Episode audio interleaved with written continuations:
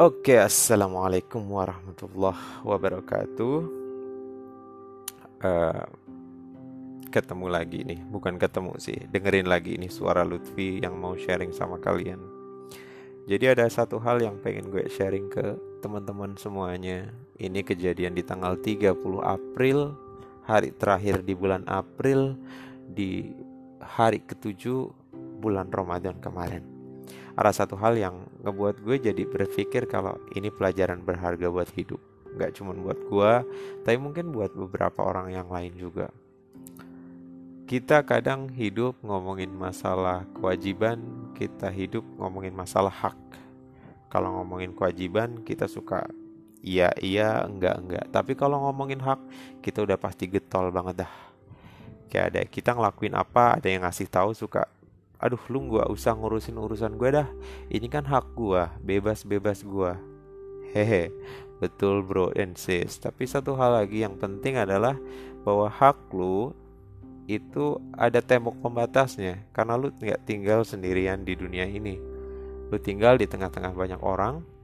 Lu tinggal di antara hak-hak orang lain juga jadi kalau seandainya lu mau ngelakuin sesuatu atas dasar hak lu lu juga harus berpikir kalau ini bakalan ngelewatin batas hak orang lain atau enggak. Itu al al alasan kenapa?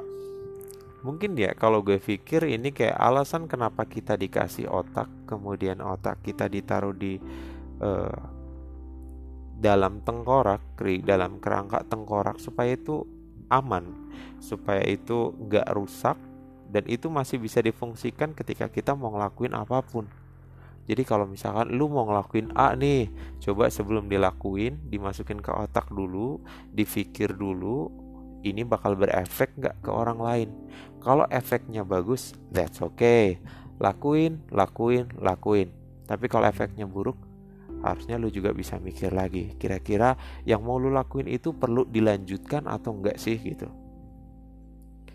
Karena jangan sampai ketika lu ngelakuin sesuatu atas dasar suka-suka lu aja atas dasar hak lu aja kemudian lu ngerugiin orang lain.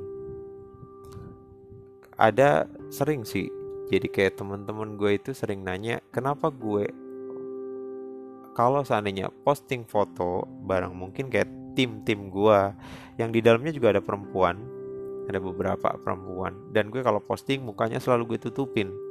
Bukan apa-apa cuman di foto itu itu ada ada istri dari siapa gitu. Karena tim gue itu udah berkeluarga kemudian dia punya suami. Istrinya itu kan haknya si suaminya. Ketika gue posting gue nggak mau hak mukanya si istrinya itu di pamerin gitu aja tanpa gue izin ke orangnya gue main posting-posting aja. Nanti kalau misalnya ada yang lihat postingan gue terus tiba-tiba jadi suka lah sama si perempuan yang gue posting bahaya nggak? Bahaya lah karena itu istri orang cuy. Jadi ya mungkin yang udah paham gue mereka udah tahu kalau gue lagi belajar buat coba ngehargain hak-hak orang. Tapi yang belum paham ya mudah-mudahan abis ini bisa paham gue cuma mau ngerimain kita semuanya bahwa kita hidup di antara banyak orang yang punya keterbatasan buat ngelakuin ini dan itu jadi sebelum kita bertindak Coba kita berusaha untuk bersyukur dengan pakai otak kita semaksimal mungkin. Itu dari gue, Jamatan nih. Wassalamualaikum warahmatullahi wabarakatuh.